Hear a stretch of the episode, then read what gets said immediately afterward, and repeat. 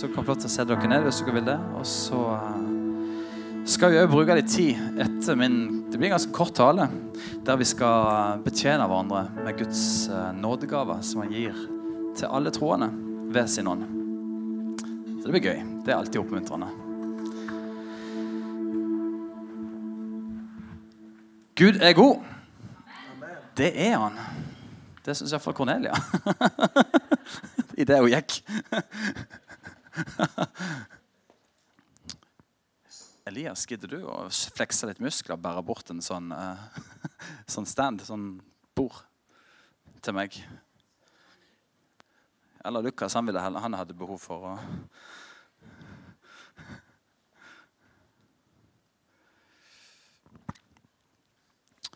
Tusen takk, Lukas. Takk for tanken, Elias. Så bra. Du, det er pinse. Det er fantastisk. Det er åh, som, som jeg prøvde å formidle litt innledningsvis i forbindelse med, med barnevelsignelsen, så er det virkelig det som gir liv til troa. Jeg tror de aller fleste her inne har opplevd å vært en kristen uten det livet.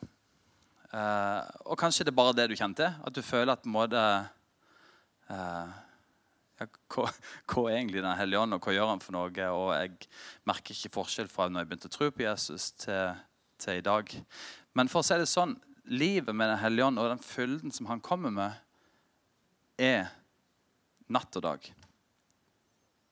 Og det handler ikke om hvor flink kristen du er. Heldigvis. Da hadde vi alle strøket. Det handler ikke om eh, hvilken personlighet du har. Selv om det er noen som klatrer mer i gardinene fordi at de bare er skrudd sammen sånn. at det hadde gjort uden Ånd også, Hadde de fått litt innabords, hadde de òg krøpet i gardinene. ikke sant? For det er bare sånn de er. Eh, din personlighet har heller ikke noe å si i forhold til hvordan Den hellige ånd virker i ditt liv. Men måten du uttrykker det på, kan ha noe å si ut ifra din personlighet. Men Den hellige ånd er en egen person i guddommen. Gud far, Gud sønn, Gud hellige ånd. Så når Jesus sa at jeg skal ikke etterlate dere farløse, men talsmannen, Den hellige ånd, skal komme Det er masse løfter om Den hellige ånd som skal komme.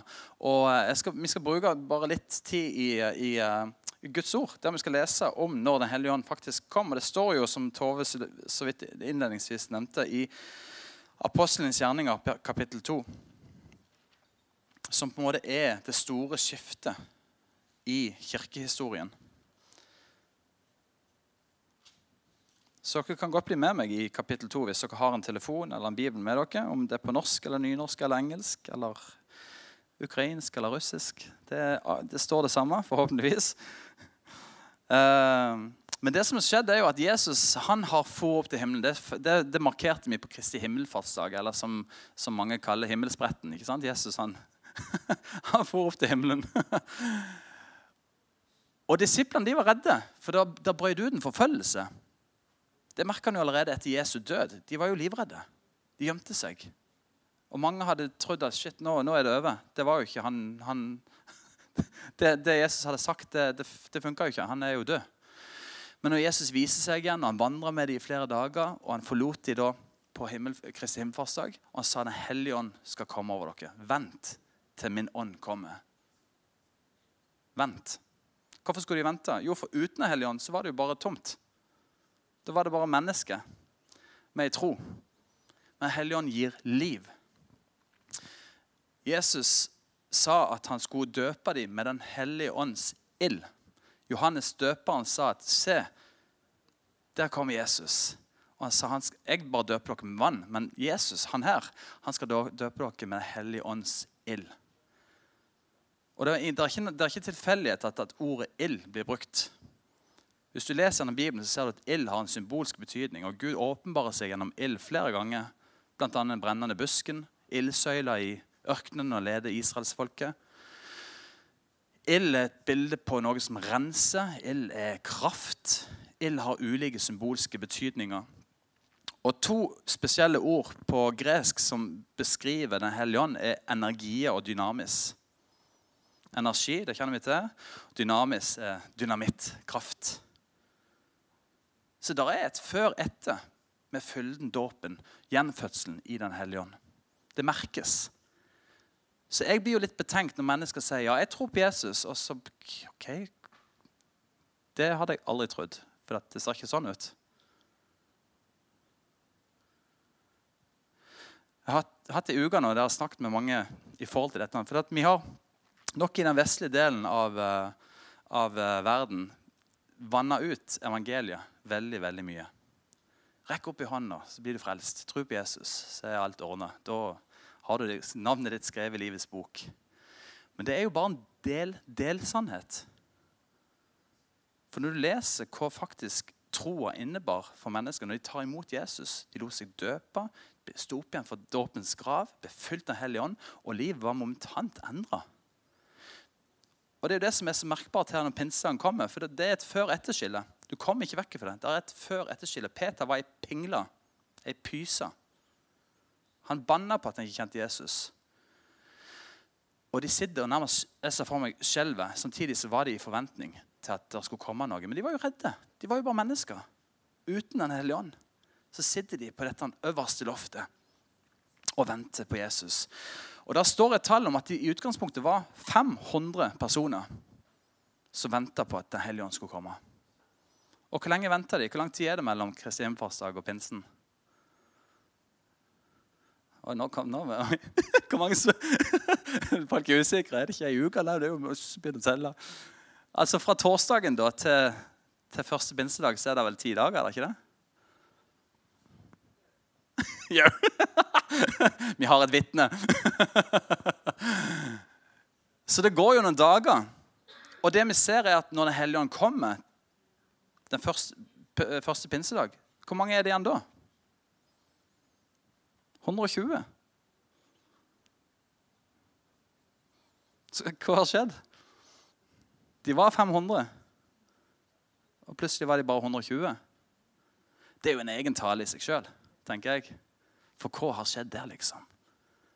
Ah, jeg tror ikke, altså, Det her funker jo ikke. Det skjer jo ikke noe. Nei, mamma ringte. Jeg må hjem. Det er kanskje mange trivielle ting, som at noen skulle på jobb. og alt mulig, jeg vet ikke. Det er sikkert mange ulike historier som var der. Men det, du kom ikke unna at de var 500, og så plutselig var de bare 120 igjen. Og ånden falt. Det rista. Det her er ikke bare bild, altså det, var, det var Folk rundt merka at det skjedde noe. De hørte og merka at det var en vind som blåste, og det kom tegn som tunge av ild som satte seg på hver enkelt. Og det var det synlige, men det de hørte, var jo at plutselig begynte folk å tale nye tunge. Og folk som var utlendinger, som ikke skjønte på en måte kanskje verken uh, hebraisk eller hva det enn de snakka, plutselig hørte sitt eget språk fra mennesker som var hebreere. Altså det var jo det var et språkunder uten sammenligning som skjedde. Og Peter, pysa, den livredde, enkle, litt sånn tøff i kjeften, ser jeg for meg, men egentlig ikke så tøff allikevel han blir fulgt av ei tro som kun Den hellige ånd kan gi han. Og Når du leser gjennom spesielt Nytestamentet, men når du leser gjennom kirkehistorien og du hører vitnesbyrd fra mennesker som opplever fylden i Den hellige ånd, så er det et der, er dynamisk, der er energier, der skjer noe med mennesket. De blir fylt med tro. De begynner å tale profetisk. Hva vil det si? Jo, de snakker ut Guds ord. Og det stikker mennesket i hjertet, og de kommer kjenne at wow, jeg må omvende meg fra synd. Eller å, jeg må overgi meg til Jesus. Det er et ord som bare er, kanskje et ord, men som allikevel Den hellige ånd bare døper i ild. Som treffer mennesker. Som skaper tro, som skaper liv, som skaper omvendelse, som skaper helbredelse. Det er det profetiske ordet. De ble fulgt med nådegaver der de kom med kunnskapsord og tungetale og tydning. De helbreda mennesker, de drev ut onde ånder. Evangeliet eksploderte. Og I løpet av en dag så var det 3000 mennesker som lot seg døpe og ble frelst. Og det fantastiske, tenker jeg, er at vi slipper i dag å tenke at å ja, for en fantastisk tid det var. For vi lever i pinsevekkelsen nå òg. Han beveger seg i dag òg. Det som er litt sånn, kanskje både frustrerende og litt irriterende av og til, at det skjer ikke alltid sånn som vi vil. Vi sitter der og venter liksom, på, på, det her loftet. ikke sant? Og Når skjer det på en måte ting? Uh, jeg ønsker å fungere i de gavene, eller jeg ønsker å merke at Den hellige ånd er med meg. Å, det er tørt for tida. Eller hva det er for noe. Det er, er, ulike opplevelser og sesonger vi går i. og Vi kan kjenne at vi sitter og venter. Men Paulus er veldig tydelig i Korinterbrevet. Søk Ånden. Søk nådegavene. Med iver. Altså det vil si, vær litt gira. Kom an, Ikke gi opp. Ikke stikk av. Ikke forlat uh, troa di. Ikke forlat det, den lengselen, den bønnen om at Ånden skal gi deg mer av sin fylde. Men Jeg har lyst til å lese de versene om når det skjer. Nå var Tove innom det så vidt, men jeg skal lese litt mer. Jeg skal lese også sin tale. For han sto virkelig fram. Da pinsedagen var kommet, så var de alle samlet på samme sted med et samstemt sinn. Så det var en enhet i rommet. Jeg tror Gud elsker enhet. Jeg tror Gud elsker at mennesker står sammen. Og Plutselig så kom det en lyd fra himmelen som, storm, som, en stormende, mektig vind. Og den fylte hele huset der de satt. Så viste det seg delte tunger for dem, som av ild. Og de satte seg på hver enkelt av dem. Og de ble alle fulgt med Den hellige ånd og begynte å tale i andre tunger, alt etter som ånden ga dem å tale. I Jerusalem så bodde det jøder, gudfryktige menn fra hvert folkeslag under himmelen. Da denne lyden hørtes, så kom folkemengden sammen og ble forvirret fordi hver og en hørte dem tale på sitt eget språk. Vers 7. Da ble de alle forskrekket, undret seg og sa til hverandre.: Se, er ikke alle disse, er, er ikke alle disse som taler, galileere? Og hvordan kan det ha seg at vi hører en hver av oss på vårt eget språk, det som vi ble født inn i? Eh, partere og medere og elamitter, de som bor i Mesop Mesopotamia, Judea, Kapodokia, Pontus, Asia, Frygia, Pamfylia, Egypt og de deler av Libya som grenser til Kyrene. Besøkende fra Rom, både jøder og porselytter, kretere og araber, Vi hører dem tale på egne språk om Guds underfulle gjerninger. Slik ble de alle både forundret og i villrede, og de sa til hverandre, hva kan dette bety? Mens andre spottet og sa, ah, de er jo bare fulle på vin. Og så står Peter fram. For nå, nå, er det sikkert mye rykter, mye snakk. Hva i verden er som skjer? Og han blir fulgt med en tro og visdom og kunnskap. Og han sier Jødiske menn og alle som bor i Jerusalem, la dette være kjent for dere, og merk dere mine ord. For disse er ikke drukne, slik som dere tror. Det er jo bare den tredje timen på dagen. Men dette er det som ble talt ved profeten Joel. Og det skal skje de siste dager, sier Gud, at jeg vil utøse av min ånd over alt kjøtt. Deres sønner og deres døtre skal profetere, deres unge menn skal se syner, deres gamle menn skal drømme drømmer. Og over mine slaver og over mine slavekvinner vil jeg utøse min ånd i de dager, og de skal profetere. Jeg vil gjøre under på himmelen der oppe og tegn på jorden der nede. Blod og ild og røykskyer. Solen skal bli forvandlet til mørke og månen til blod før Herrens dag kommer, den store og herlige, altså Jesu gjenkomst. Og det skal skje at hver av den som påkaller Herrens navn, skal bli frelst. Israelittiske menn, hør disse ord. Jesus fra Nasaret, en mann Gud upekte for dere ved kraftige gjerninger, under og tegn som Gud gjorde ved ham, midt blant dere, slik dere også vet. Etter at han var blitt overgitt etter Guds fastsatte rådslutning og forut, uh, forutviten, tok dere ham ved lovløse hender, korsfestet ham og drepte ham. Ham reiser Gud opp etter å ha løst døden, dødens veer, for det var ikke mulig at han kunne bli holdt igjen av døden. Og Så står det videre og så videre nedover herrene. Og Etter hvert så sto det det at menneskene Det stakk til hjertet, står det. Den hellige ånd åpenbarte at det var sant, og masse mennesker valgte å tro og vendte om og begynte å følge Jesus. Ble fulgt av Den hellige ånd og var vitner i Jerusalem og utover grensene. Og I løpet av noen få hundre år så snakker vi om millioner som tror. I Lille Asia, i Afrika, i Europa. Det sprer seg som ild i tørt gress. Og i dag så står vi her 2000 år seinere og er velsigna av at mennesker har tatt imot, valgt å dø ifra seg sjøl, leve for Jesus, gå ut over landegrensene, forkynne evangeliet, Mennesker, mennesker tror på han, La seg bli døpt, bli fylt av Helligånden og er vitner for Jesus. Antageligvis er du en troende i dag fordi at noen, for, noen har tatt noen valg som har påvirka ditt liv. Men så lever vi i et spenn, og jeg har lyst til å bare bruke litt minutter på det nå. For dette er litt alvorlig. Jeg, jeg sa det litt sånn innledningsvis òg. At vi har noen kultur i ja, Norge, kan vi si. Flekkefjord. I Norge. At mange går rundt og tenker at ja, jeg tror på Jesus, og så er alt i orden. Eller at ja, i ungdomstida så var jeg brennende. I dag så er det ikke så farlig. Jeg tror jo. Og jeg skal ikke ta vekk din frelsesoverbevisning. Men hvis du leser Guds ord, så er det en tydelig etterfølgelse av Jesus som skal til. Ikke bare 'ja, jeg tror'.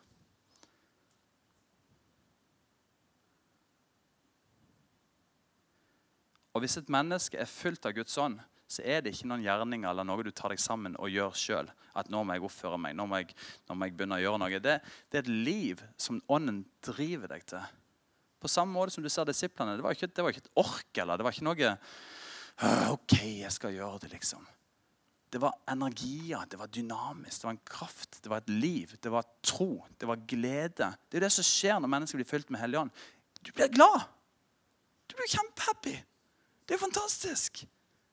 På samme måte som jeg forteller barna mine i dag som i Dyreparken. Så, så er det jo de evangelister rundt i gata. Vi skal i Dyreparken, vi skal overnatte! Det skaper en glede. Og På samme måte så skaper Den hellige ånd en frelsesglede, en trosglede, et liv som ønsker å følge Jesus. Bli stadig fulgt av Ånden, sier Paulus. Så Derfor kan jeg si, 'Kom, Hellige Ånd'. Så har du noen religiøse ja, 'Hvorfor ber du om han komme?' Han har jo allerede kommet. Nei, men Vi ser jo tydelig at Hellige Ånd kom over mennesker og fulgte dem opp med kraft, så de kunne være vitner. Så sånn at de kunne være vitner. Og det er dette spennet jeg har bare lyst til å peke litt på. For i første Tessaloniker 5, i begynnelsen av hvert 19, så står det 'utslokk ikke ånden'. OK, går det an?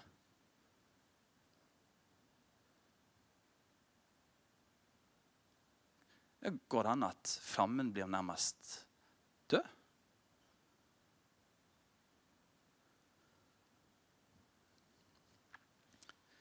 Mens i Efeserbrevet så skriver han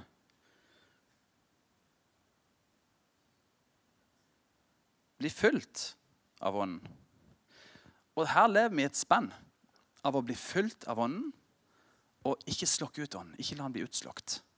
Og her har jo meg og deg et valg.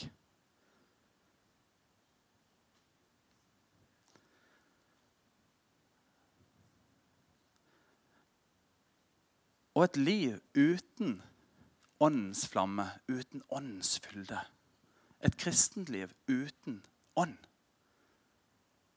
Det må være det kjedeligste i hele verden, tenker jeg. For på ene måten så må du skjerpe deg så du ikke får lov til å leve ut alt det du egentlig har lyst til å gjøre. Og holde deg sammen i full religiøsitet. Og på den andre måten så er du en kristen uten hele tatt noe kraft og glede og styrke. og prr, så du står på en måte midt sånn i skvis, der du bare av all religiøsitet prøver å gjøre så godt du kan. Satt litt på spissen. Det må jo være kjempevanskelig. Men det å drikke av Den hellige ånd, lese i Guds ord om morgenen når du våkner opp, eller når du sitter i bilen, eller du er på do, eller hvor du er henne. Helligånd, takk for at du har tatt bolig i meg. Jeg ønsker å innvie meg nå. Jeg ønsker å følge deg.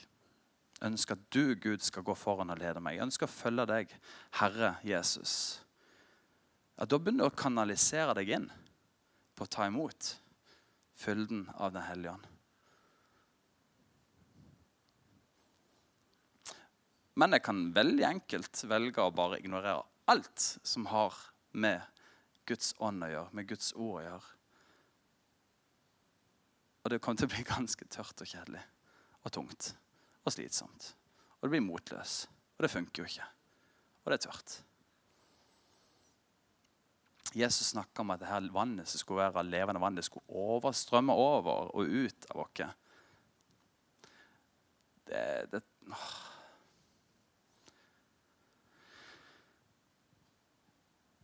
Ja. Er det noe jeg lengter mest av i vår menighet, i mitt liv, så er det mer av åndens fylde. Av åndens liv. Um, det, for du får så mye gratis når du lever i ånd. Han vil hjelpe deg, han vil veilede deg, han vil komme med styrke når du er svak. Han vil komme med en trøst når du lider. Han vil komme med visdom. Han vil gjøre at du opplever at du går i ferdiglagte gjerninger. Det å vandre i ånden, sier Paulus. Vandre i ånden. Det gjør jo at kristne blir levende. Jeg har nå de siste uh, fire månedene uh, skrevet en oppgave uh, om Den hellige ånd og hans nådegaver. og det har, det, har vært, det har, vært, så fantastisk spennende å lese. Og, jeg, jeg, jeg, har, jeg, har, så det så mange ganger og strekt unna fra både tyske teologer, amerikanske teologer og reformerte teologer som skriver om fylden og livet i Helligånd, og hva, hva, han gjør med oss, og hva som skjer når Helligånd kommer iblant dere, når, når Helligånd beveger seg i ei kirke. Og jeg tenker bare ja, amen, kom Helligånd. For det, det tar fyr. Og veldig mye som ofte er slitsomt og vanskelig og tungt og trått, blir, det blir bare et liv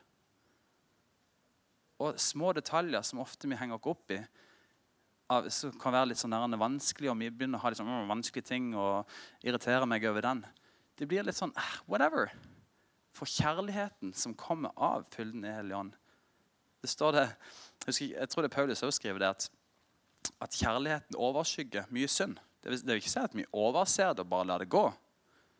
Det betyr at jeg har et hjerte som tilgir. Jeg har overbærenhet. Jeg tar meg ikke nær av ting.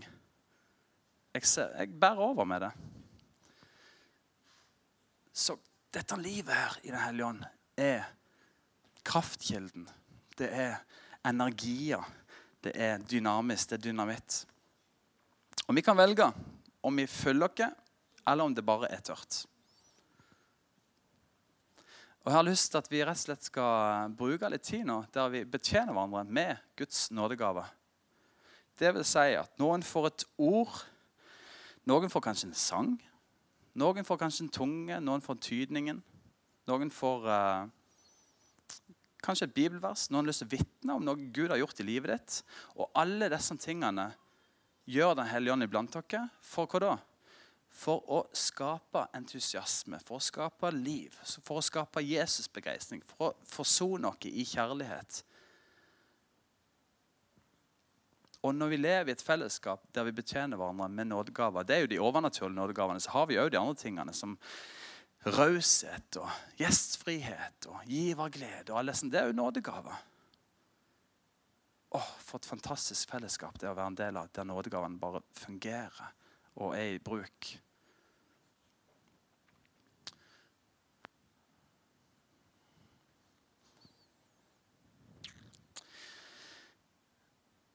Jeg takker deg, Herre, for at du sendte din Hellige Ånd. Jeg takker Gud Far, for at dette var din vilje.